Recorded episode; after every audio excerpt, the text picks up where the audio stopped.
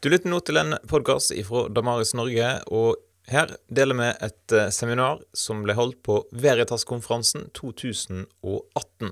Ja, det er jo et uh, godt spørsmål om kristen tro er destruktiv for samfunnet, og et godt spørsmål om jeg heter Are. Jeg heter altså Bjørn Are. Uh, det er uh, sånn at jeg har jobbet i Telenor i mange tiår. Men i høst har jeg da begynt å jobbe litt andre steder. Og et av de stedene er en uh, tankesmie som heter Skaperkraft. Og hvis noen er interessert i mer informasjon om den, og hva vi driver med der, så er det en liten sånn uh, ja, papirlapp som ligger foran der. sånn. Det er bare å komme og forsyne seg med den. Og les også baksiden, for der kan dere fylle inn navn og nummer og beløp dere kan tenke dere å gi hver måned. Så det er spennende. Uh, blant de tingene vi da holder på med der, er jo å se på dette med kristen tro og kristne verdier og dens betydning for samfunnet. Og dette er noe som er ganske, for noen ganske kontroversielt stoff. Og man sitter ganske langt inne å vedgå at kristen tro har noen spesiell positiv betydning. Mange tenker tvert imot. Og da er det gjort mange undersøkelser. Dette er fra World Value Survey for noen år tilbake. Det viser at de landene som gjør det best på denne, uh, her, er de øverst til høyre. Uh, som da er mer opptatt av uh, type sånn selvuttrykk, sånn skapende, verdiøkende ting. og det henger også da sammen, mener man, med om man står for tradisjonelle eller sekulær-rasjonelle verdier. Så lang, lengst nede ligger land som Jordan og Marokko og sånt, nederst til venstre. Og øverst til høyre ligger Sverige, Norge og Danmark. Og hva er så felles for de landene her, hvis man skal snakke om kristen tro og religion? Jo, disse landene scorer høyest på sånne ting som velvære, utdanning, trygghet, likestilling og demokrati. Det er verdens mest sekulære land. Det er rett og slett sånn at skandinaviske velstandssamfunn og velferdssamfunn springer ut av sekulariteten, hevder forskere som Phil Suckerman. Og hvis man ser på andre som holder på å snakke om dette og skriver bøker om det og deltar i TV-debatter osv., og så Steven Pinker har Eia bl.a., så er opplysningstiden det store vannskillet. Det var med opplysningstiden vi fikk alle de gode, moderne verdiene. Og, sies det, religion er generelt en av hovedkildene til spenninger i samfunn, til vold, til fattigdom, til undertrykkelse, til ulikheter og uorden. Det er rett og slett sånn, ifølge som heter Bo Rothstein, som uttalte seg til Fri Tanke i 2012, at hvis man vil ha et samfunn med lav spedbarnsdødelighet, der mange mennesker lever lange liv med god helse, der de er fornøyd med livet, der det er en høy grad av tillit mellom innbyggerne, der det finnes god tilgang til rent vann, der det er lav korrupsjon, der den økonomiske velstanden er høy og ganske jevnt fordelt, bør man da arbeide for et samfunn der religion spiller en viktigere rolle? Svaret er klart og entydig nei bør dermed skaperkraft og sånne som meg forbys. Uh, skal vi klare å få dette litt bedre? Sånn, nei. Sånn. For uh, dette sant, ble først presentert som at religion skaper dårligere samfunn. Men så skjønte man jo etter hvert at dette hadde ikke så mye å gjøre med den måten å argumentere på, egentlig, for det kunne man jo ikke si direkte. Men man kan si det litt mer sånn indirekte. At det ikke er en positiv sammenheng mellom religion og samfunnsmoral. I hvert fall ikke det. Og så skal man hver tenke sitt om det er sånn at religion skaper dårligere samfunn. Så begynte noen å tenke seg litt om kanskje det, hva er grunnen egentlig? Noen samfunn ligger på den ene enden av skalaen, noen på den andre enden av skalaen. Kan det være litt motsatt? At samfunn som utgangspunktet er dårlige, utgangspunktet er fattige, utrygge osv. At de samfunnene rett og slett er den type samfunn som trenger mer religion. Og at det er derfor de samfunnene har den koblingen med mye religion og, og dårlige samfunn. Eller er det litt sånn derre uh, at det man ser på som dårlige samfunn, samfunn hvor abort er forbudt, at det har noe å gjøre med sekulære verdier, hva man mener er et bra og dårlig samfunn. Mange typer innvendinger. Men la oss nå Det hjelper litt, ja. Jeg har litt sånn problemer med stemmen for tiden, så jeg skal prøve å snakke dypt og høyt inn i mikrofonen. Fordi når man ser på de tingene her sånn, så er det jo ikke rart at mange kvier seg for å stå fram som kristne. Ikke nok med at tro og vitenskap jo er i sterk strid med hverandre. Det har vi jo lært disse dagene. Uh, I tillegg er jo kristne verdier og religion generelt nesten en ulykke for samfunn. Og da har vi den effekten at 90% av kristne ifølge en undersøkelse som er gjort av laget nylig, de tør ikke stå fram på studieplassene som kristne. Og 6% mener at tro bør være en privatsak, selv om de altså ikke tør å stå fram med den. Og da er det at uh, Karl Johan Kjøde, leder for Laget, ber kristne akademikere komme ut av skapet og rett og slett vise at det går an å være både kristen og en som har en slags vitenskapelig stilling på norske universiteter og høyskoler som rollemodeller. Men når man gjør det, så får man jo denne her sånn ofte slengt i fjeset. ikke sant? Se her. Her ser vi hvordan det går med samfunn hvor det er mye religion. De samfunnene er dårligere uansett hva som nå egentlig er årsaken. Hvis man så gjør en liten øvelse For her har jeg gjort en øvelse. Nemlig å ikke lenger sladde de tingene som også står på denne her. Jeg har tatt bort der det står øverst 'Protestant Europe'. For det er det som faktisk er felles for de øverste høyre. Det er en del av de protestantiske landene. De landene med en lang protestantisk historie. Og de som gjør det nesten like bra, er det landene med en katolsk historie. Og så har man en sær blanding av land som er English speaking. Det er også stort sett protestantiske land. da.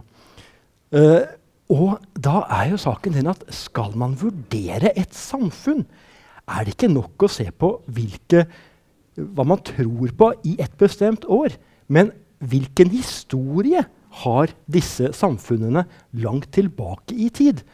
Hva er det som har påvirket disse samfunnene? Hvordan har de blitt som de er? Og da får vi kanskje et helt annet bilde. Det går ikke an uh, å skjønne uh, la oss si en, en, en femmil ut fra liksom, de siste ti meternes innspurt. Du må se på en femmil ut fra trening på forhånd, matstasjoner, hvordan taktikken har vært underveis, hvem som har hengt i ryggen på andre, hvem som har prøvd å trekke osv. Så videre, så sånn er det også med samfunn. Det er ikke bare liksom, et snapshot som bestemmer hvordan disse samfunnene er. Vi må se på røttene. Og så er det jo sånn når man snakker om religion, så lurer jeg ofte på hva er målestokken? Hva er en religiøs enhet? Det er disse landene med religion som har blitt sånn og sånn. Og de landene som ikke har religion, de er slik og slik. Hvilken måleenhet måler man religion i? Er det noen gode forslag til det her? Altså, religion er jo alt mulig. Du har uh, stammereligioner, du har panteistiske religioner, du har polyteistiske religioner, du har fatalistiske religioner. Man har veldig mange forskjellige religioner. Det eneste som er felles for dem, er at de er helt forskjellige. Ofte er det blitt sagt at religioner er egentlig like, det er bare utenpå de er forskjellige. Noen går liksom i gule klær, og noen i røde klær. Man ser på munkene. Men jeg sier det med G.K. Chesterton tvert imot. Det er utenpå de er like. De ligner faktisk hverandre mye mer på klærne enn på noe annet. Inni er de helt forskjellige. Så det motsatte av barnesangen. Så noen bør lage en kristen sang om det. Og veldig mye av det vi har for oss når vi snakker om religion, har å gjøre med et bakteppe. Jeg pleier å vise den foilen her og sier at det er som å være på et teater, hvor du ser da glade mennesker som danser og jubler. Solen skinner, det er til og med to soler, ser vi. Og de sier 'velkommen til oss'. Oppfattes det positivt? Syns dere har lyst til å komme på besøk her? I hvert fall litt mer lyst enn det, om det ser sånn ut. Budskapet er det samme, men bakteppet er et annet. Hvordan i all verden skal vi kunne formidle at det er altså forskjell på religion, det er forskjell på baktepper, og det er forskjell på hvilke verdier vi snakker om? Veldig mange ser for seg en utvikling hvor vi har gått fra en mørk middelalder det knapt var blader på trærne, eh, solen sto aldri opp. Kirkes makt var stor, og kunnskapen følgelig liten. Så fikk man noen uh, stadig kraftigere Watts aha-opplevelser gjennom tiden. Kunnskapen økte, og følgelig sank Kirkens makt. Og vi fikk det moderne samfunn som følge av opplysningstiden. Og dette bildet her går sin seiersgang fortsatt på nettet. Vi ser en sterk vekst i vitenskapelig kunnskap fra oldtidens Egypt gjennom det greske blå uh, riket, eller perioden, helenistiske riket. Så fikk vi da det romerske riket. Så fikk Kirken makt, og bang! Man stupte ned i tusen års mørke. Et sort hull som ødela for all kunnskap, til hva fikk renessanse og opplysningstid og moderne vitenskap. Kjenner dere igjen dette bildet? Dette er et ganske vanlig bilde. Stemmer dette bildet? Nei. En av de mest populære forfatterne for tiden Jeg nevnte dette her i forrige seminar også, så jeg tar det bare kort her for nye besøkende. Det er noen av de samme. Dere får prøve å holde ut, dere som var på forrige seminar. Uh, han, Yuval Noah Harari han har skrevet en bestselger om menneskenes historie. Og da tar han et eksempel fra uh, en spansk bonde som da, hvis han hadde sovnet i år 1000 etter Kristus og våknet 500 år senere, til ståket fra Columbus' mannskap, så ville verden virket ganske kjent for ham 500 år etter. Og da til tross for de mange endringer i teknologi, skikker og politiske grenser, ville denne middelalderens Rip van Winkel følt seg hjemme. Men hadde en av Columbus sine matroser sovnet og våknet 500 år senere, ville han begynt virkelig å lure med han møtte en iPhone, ja, til og med Huawei Pro 20. Han lurt enda mer. Uh, er dette himmelen, kunne han spurt seg selv, eller er det kanskje helvete? Hva skal vi si til det? Hva hvis en viking hadde sovnet for 1000 år siden og våknet 500 år senere?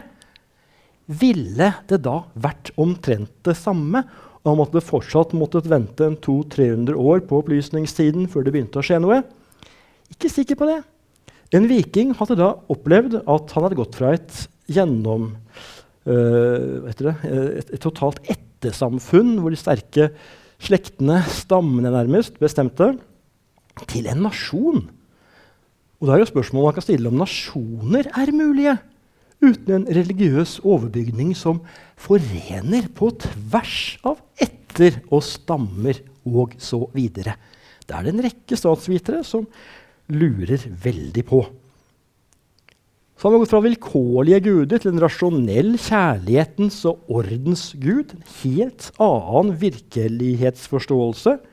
Kommer litt tilbake til det, men et spørsmål er om synet på naturen har noen som helst betydning for synet på naturvitenskap.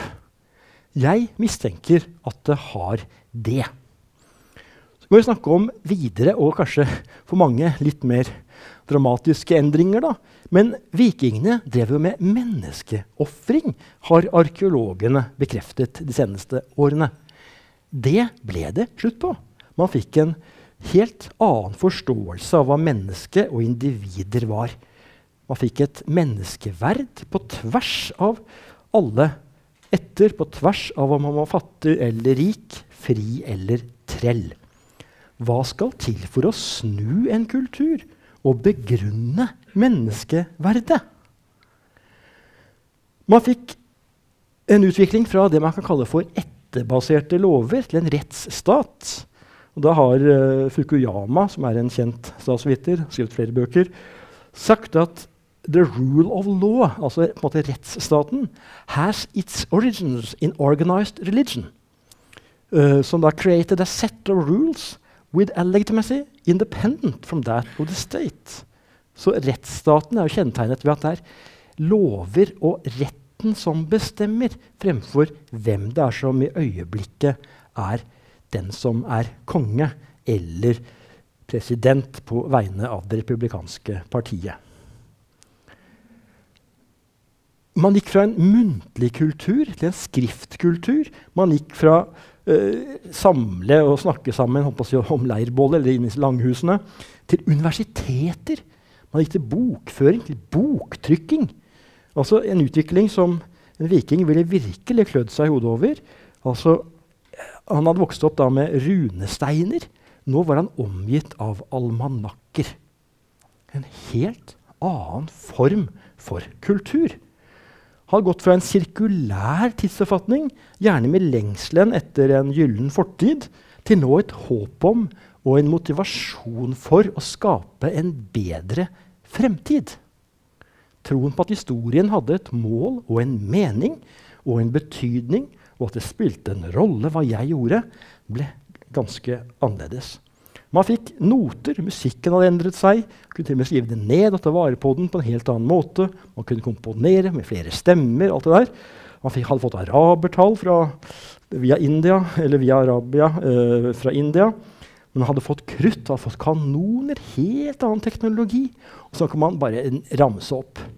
Katedraler, klokker tre, altså Tenk dere hva innføring av klokker da, betydde. Man fikk mekaniske klokker som prydet hvert torg i Europa i 1518.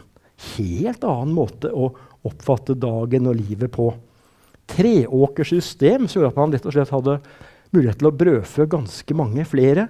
Samme gjaldt venneplogen. Man kunne pløye mye dypere, utnytte næringsressursene i jorda. Man hadde et rikt utvalg av ulike typer møller, vannmøller og vindmøller av mange slag. Og man har til og med fått briller. Så selv de av oss som er over 50, kunne fungere. Det hjalp veldig godt når man hadde almanakker og ikke runesteiner. Hva hadde skjedd? En viking etter mitt skjønn ville forstått nada, for å si det på fagspråket. Altså hva er det som skaper gode samfunn? Så jeg ikke gå sånne statsvitere og sosiologer og politikere i næringen her. Men jeg legger fram noen poenger som jeg mener kan være ofte undervurdert. Og da sju sånne premisser som jeg setter opp. Og la oss ta dem etter tur. Det første at verden ikke er en illusjon eller noe negativt. Hva er nå det for noe rart han derre Are kommer med her? Det er jo sånn at vi ikke lenger lever i en kultur, verken i Norge eller i Europa, hvor man så på verden som en slags mystisk sak, litt sånn negativ sak, hvor det gjaldt å klare seg som best man kunne blant de rike med å utnytte folk osv., for å si det veldig karikert. Um, men sant, i den greske antikken var det sånn at kroppsarbeid var noe negativt. Det var for slaver og de som ikke hadde hode, for noe annet. Tvert imot førte da en kristen tenkning til at verden oppfattes som høyst virkelig, skapt av Gud, og svært verdifull. Og vi hadde en plikt til å arbeide. Det er her vi er kalt til å leve våre liv. Jorden var ikke noe fengsel for våre sjeler, eller noe slik som gnostikere og andre sånne mystiske religiøse retninger hadde lagt opp til. Har, det er et sted vi har satt til å tjene. Vi skulle være tjenere ifølge Det nye testamentet for hverandre, med våre kropper, med våre armer og bein, hjerter og hoder. En helt annerledes livsoppfatning enn det man fant i mange tidligere kulturer. Jeg sliter med å finne kulturer som hadde denne type livsoppfatning utenom en kristen kulturkontekst. Og da er jo spørsmålet hvordan begrunne og motivere for dette rent sekulært? Hvordan skal man få til det? Hvis det altså er dette sekulære, hva nå det betyr i denne sammenhengen. Ofte tenker man på det rent ateistiske når man sier det. Og rent uh, mer sånn Faglig sett så er det vel uttrykk for et samfunn hvor ingen religion får dominere. Det er mer sånn pluralistisk samfunn. Men uansett bruker det uttrykket her litt sånn folkelig. Det er rett og slett vanskelig å begrunne dette uten å trekke fram en form for religiøs overbevisning, og da mer presis bestemte former for kristne perspektiver. Godt å arbeide. Jeg har vært inne på det.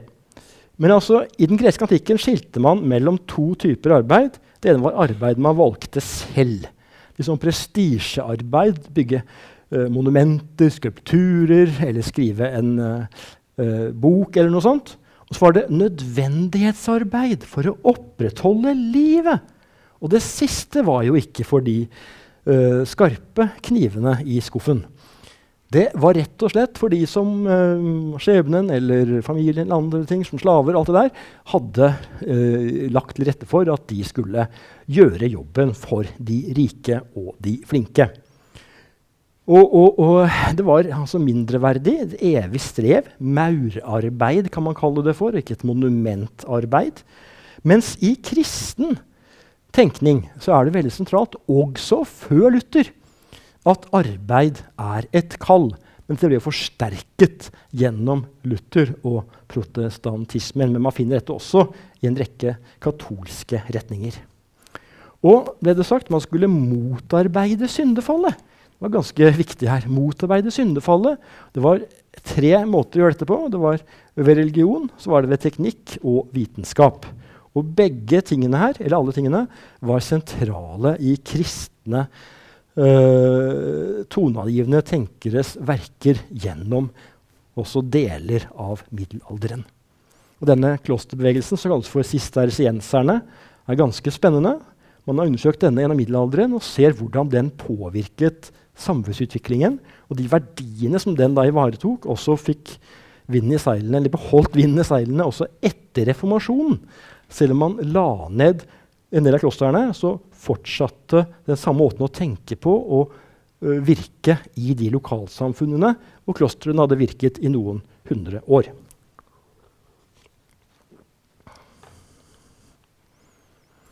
Så igjen hvordan begrunne og motivere for dette rent sekulært, uten å trekke inn noen form for religion eller kristen tenkning. Så har vi mennesket som likeverdig med plikter og rettigheter. Igjen dette med likeverd. Hvordan skal man kunne måle og veie dette?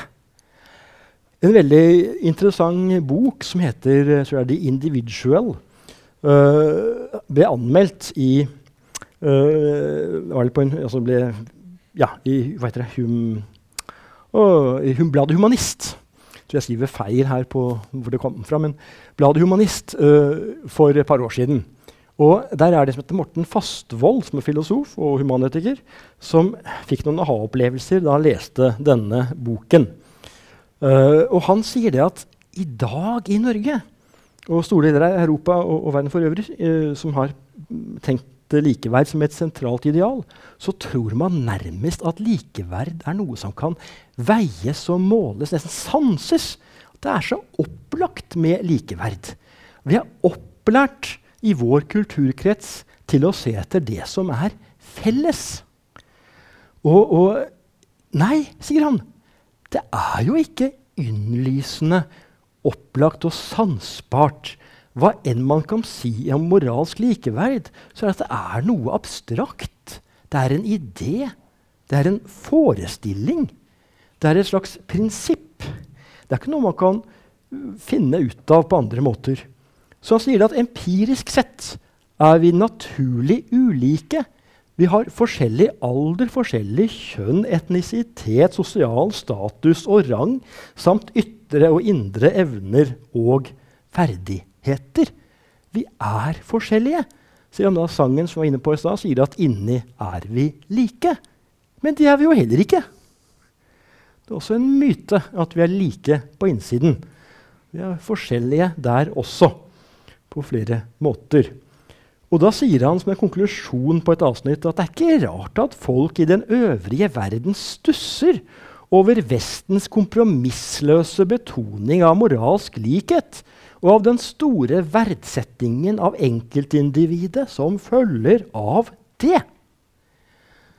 Så individualisme og individets rettigheter og, og, og verdi er altså en veldig klar kristen uh, forestilling, løfter Morten Fastvold fram, altså i en artikkel, en bokanmeldelse og ikke et foredrag, uh, for Human-Etisk Forbund i 2016. Dette ble skapt gjennom den kristne impulsen som vi fikk i antikken, senantikken og middelalderen. Og for å understreke så sier en av mine store favoritter, G.K. Chesterton, et sted at alle rettigheter bygger på at Gud skapte alle mennesker likeverdige. Uh, for hvis de ikke er skapt likeverdige, er de avgjort evolvert ulikt. Det eneste grunnlaget for demokratiet er et dogme om menneskets guddommelige opprinnelse. Nå sier ikke jeg at Kirken eller kirkelige ledere har gått i bresjen for å innføre demokrati overalt, men at selve forestillingene som ligger til grunn for at vi har fått en, en sterk demokratisk tradisjon i vår kultur, henger tett sammen med en rekke kristne forestillinger. Det er ikke bare jeg som sier dette. her, Chesterton, denne den berømte Harari, da, han uttaler i, et, i en nylig bok at uh, uh, egentlig skulle vi vært ærlige, sier han. Så skulle det vært som følgende, da, sånn med litt sånn glimt da, til den amerikanske uavhengighetserklæringen. At vi holder disse sannhetene for å være selvinnlysende. At alle mennesker er evolvert ulike. At de er født med visse skiftende egenskaper, og blant disse er liv og streben etter lykke. Så hvis en ren biologisk, evolusjonær øh, forståelse skulle styre hva vi mente om oss, så ville det være at vi var alle helt ulike. Og da er jo spørsmålet, når vi har plikter og rettigheter, hvor kommer de fra? En klassisk jødisk kristen etikk er pliktorientert. handler ikke om å realisere oss selv. handler ikke om å følge hjertet hjerte. handler ikke om å følge våre følelser. handler ikke om å bli liksom uh, uh, noe som handler om oss selv, egentlig. Nei, det handler om å gjøre godt mot andre. Samtidig som det støtter iboende rettigheter og menneskeverd. Og da er det denne som ofte trekkes fram, da, Jørgen Habermas. Han er vel agnostiker eller kanskje ateist. Uh, kjent sånn religionssosiolog, er han vel. Uh, i hvert fall sosiolog, mener jeg. Uh, han sier at forestillingen om likeverd, som han sier på sin uh, populære tysk, egalitær universalisme, etter, er en direkte etterkommer av den jødisk-kristne rettferdighets- og kjærlighetsetikk. Dette har vært en grunnleggende kraft og premissgiver i kampen for likeverd, menneskerettigheter og demokrati. Den dag i dag er det ikke noe bedre alternativ å hente inspirasjon fra å hevde noe annet er postmoderne rør, sier den gode tyske uh, forsker. Så da er jo spørsmålet hvordan begrunne og motivere for dette rent sekulært? Uten noen form for religiøs eller kristen bakgrunn. Det er ikke lett, altså. Har dere gode forslag, tar jeg gjerne dem, men så langt sliter jeg med å se noen. En rasjonell skaper og lovgiver, hva snakker vi om da? La oss ta et eksempel. La oss gå tilbake til vikingene. De trodde på Thor og Odin. Fremmer troen på Thor og Odin naturvitenskap? Jeg pleier å stille spørsmålet hvis en oppriktig, sann troende tilhenger av Thor og Odin skulle finne ut av været i morgen, hvilken moderne vitenskap ville de benyttet seg av.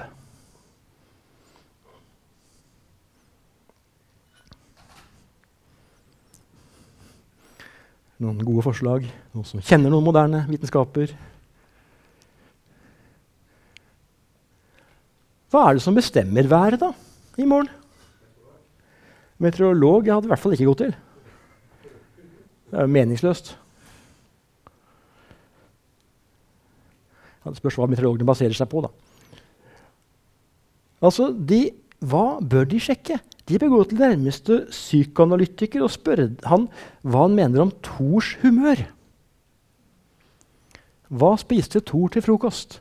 For det er ikke uh, naturlovene som styrer været, men det er hva Thor har hatt for, fore, og hvilket humør han er i.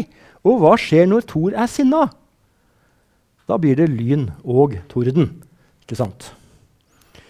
Så hvordan skal man få frem naturvitenskap i en kultur som tror at naturen er styrt av vilkårlige guder som slåss seg imellom? Hvordan skal man få til det? Selv om Thor, hvert fall i Avenger-filmene og Thor-filmene er ganske hyggelig, så er han ikke akkurat en som er alltid sånn at han handler på samme måte og kan forutsies ved lover. Så den type kultur oppfatter naturen som en slags sandkasse hvor gudene slåss seg imellom. Hva da med New Age?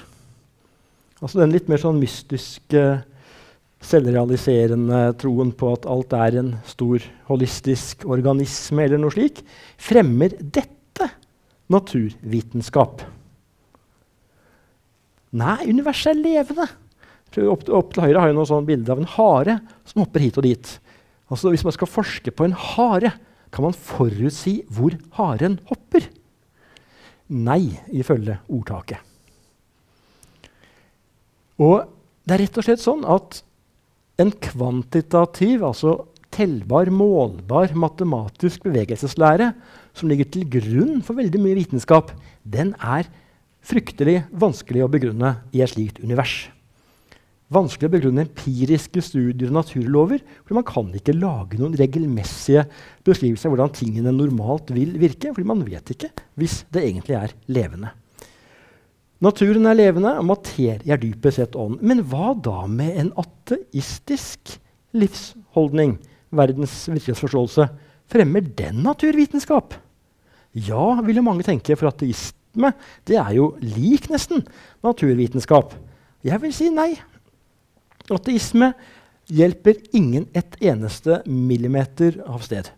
Fordi ateisme i den betydningen som mange snakker om det i dag. Da. Det er ikke noe isme, på en måte, det er ikke noe livssyn, men det er en måte å oppfatte tilværelsen på som kan ende opp i mange slags forskjellige livssyn. Men det er ingen sterk ideologi. Det er en slags fravær av gudstro. Dere har hørt det, eller mener dere har snakket med ateister? Ja. Kristne snakker stadig om ateisme, og ateisme mener slik osv. Men ateismen mener veldig lite. Det fins vel ikke, egentlig. Men det er en fravær av troen på Gud. Kan det at jeg ikke samler på frimerker, fortelle meg noe om hva jeg skal gjøre med vitenskap? Nei. Det at jeg ikke tror på Gud, forteller meg ingenting. Likevel så er det noen grunner for ateister til å støtte vitenskap. Det er jo selvfølgelig spennende og, og nyttig med vitenskap når den først finnes. Utrolig gøy. Man kan til og med få nobelpriser, har jeg lest om. Og så tror jeg nok det at vi ikke skal undervurdere at det for en god del ateister er slik at de gir dem en slags boost. Altså de lærer oppbyggelig virksomhet. De rett og slett tenker at dette fremmer deres egen oppfatning av at vi lever i en verden hvor Gud ikke finnes. Fordi de ikke kan finne Gud i laboratoriet.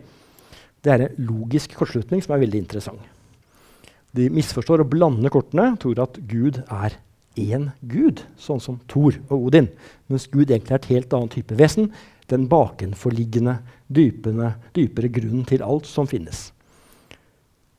Og så har man noe jeg kaller for 'vil ikke bli lurt'-ismen. Man er redd for å begi seg ut på noe sånn religiøst fordi man vet ikke helt hvor det fører hen. Så er man dypt skeptisk og tror at hvis man først gir religion, med kristen tro lillefingeren, tar det hele hodet.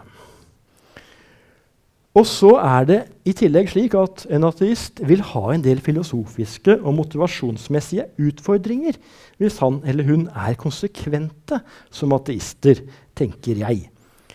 Og Da er jo spørsmålet igjen, som jeg sa øverst, om dette med fravær av gudstro kan være et bærekraftig grunnlag for noe som helst. Hvordan opprettholde troen på naturlover? Hvordan få på plass den troen allerede i utgangspunktet?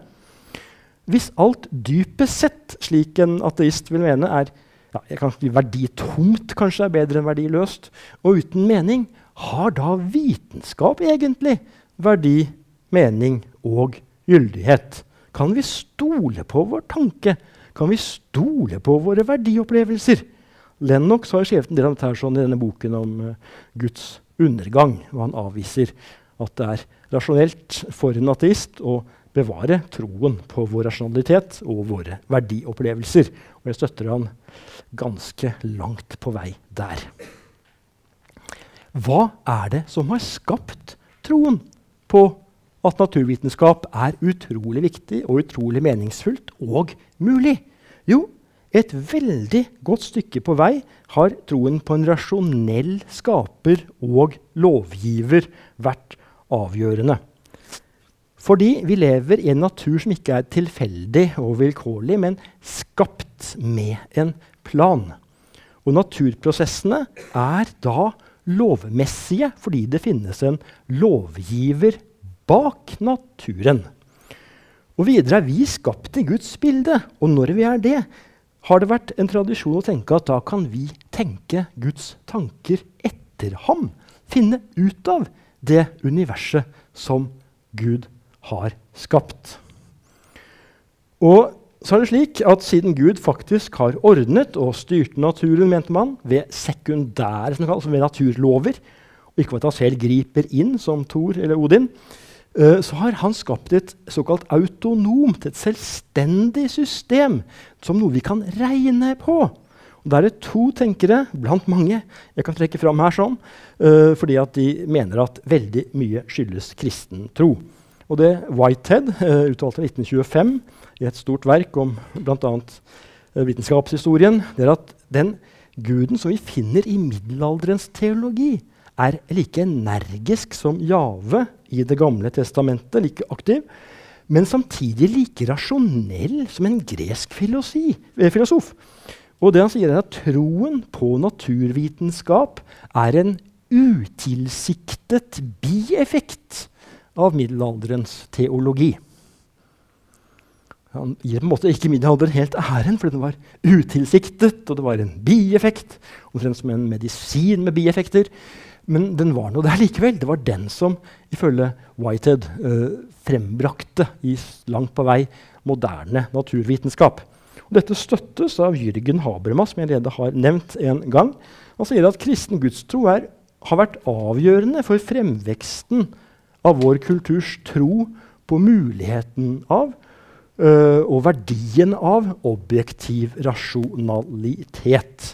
Fordi hvis alt ikke uh, hvis det ikke finnes en gud utenfor, bakenfor, over alle mennesker, er det kun de individuelle perspektivene som teller. Og da er det ingen form for objektiv rasjonalitet på tvers av hva alle mennesker mener som kan finnes. For det er bare en slags flertallsavgjørelse eller noe slik som bestemmer hva som er, er liksom objektivt rasjonelt. Så da går vi tilbake til vårt faste spørsmål. Hvordan begrunne og motivere naturvitenskap rent sekulært? Kunne en rent sekulær kultur, hvor ingen religion hadde noen avgjørende betydning, klart å få til naturvitenskap, eller moderne naturvitenskap? Jeg er sterkt skeptisk til det. Ok, Kjærligheten er det grunnleggende. Og størst av alt, eller iallfall størst blant disse, som det står i 1. Korinterbrev 13. Og den kristne sant, store øh, visjonen, eller formaningen, er at vi ikke skal bli noen skyldig noe annet enn å elske dem. Altså kjærligheten er kjernen i kristen tro også Guds kjærlighet til oss, som viste seg hva Jesus gjorde på korset. Og vi er forpliktet til å være gode, til å hjelpe og støtte. Uten å få noe igjen, uten å realisere oss selv, uten å føle noe godt. Selv ikke evolusjonært. Tro er noe som skal være virksomt i kjærlighet. Blir ikke frelst fordi vi gjør så mye gode gjerninger, men siden vi er frelst, så bør vi ha en drive etter å gjøre gode gjerninger i takknemlighet til hva Gud har gjort for oss. Og ikke gjøre noe godt fordi Gud er streng og ser oss over skulderen, slik som Lennox snakket om i dag, og som Christopher Hitchens da stadig trakk fram. Gud som en slags nordkoreansk diktator. Nei, Gud er god. Det er fordi vi er drevet av Guds kjærlighet at vi også skal gjøre godt. Og hvordan begrunne og motivere for dette rent sekulært? er jo da spørsmålet. Og Jeg har av og til en sånn diskusjon om dette og tar av og til motsatt rolle. da. Jeg skal være den som forsvarer det sekulære ståstedet. Jeg pleier å si det sånn at jo, grunnen til at jeg er god mot deg, er at jeg trenger deg virkelig til å vaske bilen min. Troen på fremskritt. Nærmere slutten her. Jeg tar noen spørsmål etterpå. Hvis vi rekker det. Prøver å snakke så lenge at jeg slipper spørsmål. Uh, hva mener jeg med det? Jo, jeg var litt inne på det i stad, men altså at det finnes reelle mål bak historien. Historien går ikke i sirkel, hvor man kikker bakover til en gullalder. Nei, man ser framover. Og da er noe av greia her at vi får en forståelse av at vi kan arbeide for å forbedre oss, og vi bør arbeide for å forbedre oss som individer og som samfunn arbeid på deres frelse osv., slik som Paulus er det vel sier det. Og generelt, Vi ser framover, for vi vet at det er et mål med historien. Vi er underveis. Vi er kalt til å gjøre godt mens vi er her. Som Luther sa det, selv om vi vet at verden går under i morgen, planter vi et epletre i dag. Fordi det er rett å gjøre det. Det er rett å tenke framover. Rett å gjøre det så vi kunne bære frukt i framtiden. Og mye av dette henger sammen med kristne tenkere. En som Augustin, som ble så sentral gjennom middelalderen, også for Luther. Han koblet i et av sine verk den jødiske tanken om uh, en hellig og nødvendig historisk utvikling styrt av Gud, med den greske tanken om naturlig vekst. Og så for seg at mennesket på en måte vokste og utdannet seg erkjennelse og kunnskap gjennom ulike historiske stadier. Denne måten å tenke på påvirket veldig mye senere tenkning, både religiøs og sekulær tenkning. Og gjennom en fremskrittstro fikk man også en sans for innovasjon. I gamle dager, altså I dag er ordet innovasjon det er jo noe oppfattet som positivt. Ja, vi trenger mer innovasjon. Uh, innovasjon Norge må ha mer midler. Kan gå ut og skape innovasjon alle steder. Til og med Grimstad kan noen komme på noe lurt. Før det, før dette ble oppfattet som positivt, var det noe negativt. Det var en forbrytelse. Dette er en innovasjon. Oi, en innovasjon! Oi, oi, for en fyr. Innovasjon. Man kom på noe nytt. Noe som endret på samfunn, endret på ting. Det var skummelt, det. Det var nordavind fra alle kanter.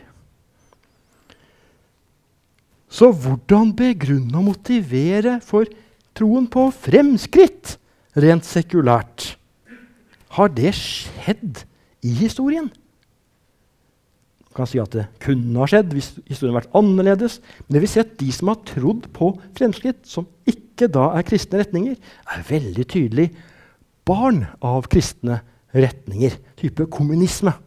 Veldig sånn tydelig trekk hentet fra kristen tenkning. Veien fra slags uh, ursamfunn, ursamfunn og så et syndefall hvor kapitalismen kom på banen, og så liksom veien mot uh, himmelske eller jordiske paradis, hvor det klasseløse samfunn er innført. Det siste var da det å være ansvarlig for mine handlinger. Å kunne innrømme feil, det der er undervurdert, det.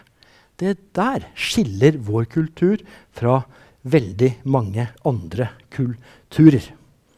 Hva snakker jeg om her?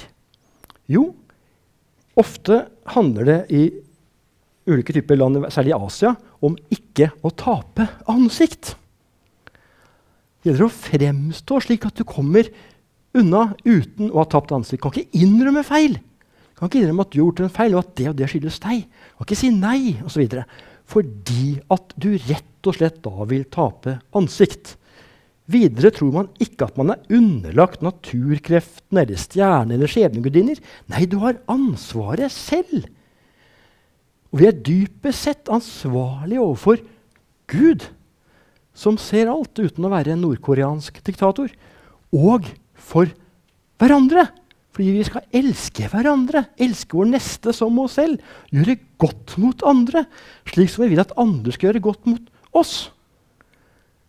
Ikke fordi slekten, ætten, skal komme bedre ut av det, eller stammen, eller min uh, gruppe. Min uh, rett og slett identitetsgruppe, eller hva det heter på moderne. Det er rett og slett alle. Vi har gått fra en skam-æreskultur til en skyld-tilgivelseskultur. Hva mener jeg med det? Med det mener jeg at istedenfor at det handler om min ære Gjør jeg noe gærent, så taper jeg ære. Har noen gjort noe gærent mot meg, har de påført meg lavere ære. Og det må jeg ta igjen for å gjenopprette æren. Og jeg kan ikke vedgå feil, fordi at det betyr at jeg fratar meg selv ære. Det sitter fryktelig langt inne for en person fra en sånn æreskultur å innrømme feil. Mens i vår kultur er det jo et slags uh, ideal å bekjenne sin synd, vedgå sine feil, legge seg flat, be om unnskyldning, tilgivelse, for å bli gjenopprettet og komme tilbake i samfunnet. Hva skjer når noen med den skyld-tilgivelseskulturholdningen møter noen med en æreskulturholdning. Det går veldig sjelden bra. For da vil enhver innrømmelse av skyld oppfattes av den andre part som at man har styrket æren til den andres part og innrømmet egen skam og vanære. Da vil ikke den andre part bli oppmuntret til selv å innrømme noe skyld. Tvert imot er man blitt bare sterkere i troen på at man selv handlet rett. Så motivasjonen for å gjøre uh, godt er ikke bare frykt for å bli tatt eller skam ved å bli tatt. Det er rett og slett at jeg har et personlig ansvar for å gjøre godt, enten jeg blir sett eller ikke. Handler ikke om hva de andre synes, men om hva som er rett og godt å gjøre, til ære for Gud og mine medmenneskers beste.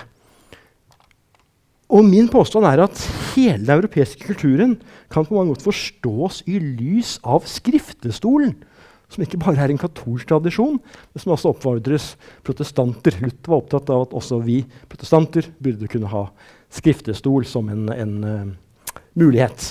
Og det finnes i noen norske kirker, faktisk. Men hvordan begrunne og motivere for dette rent sekulært, da?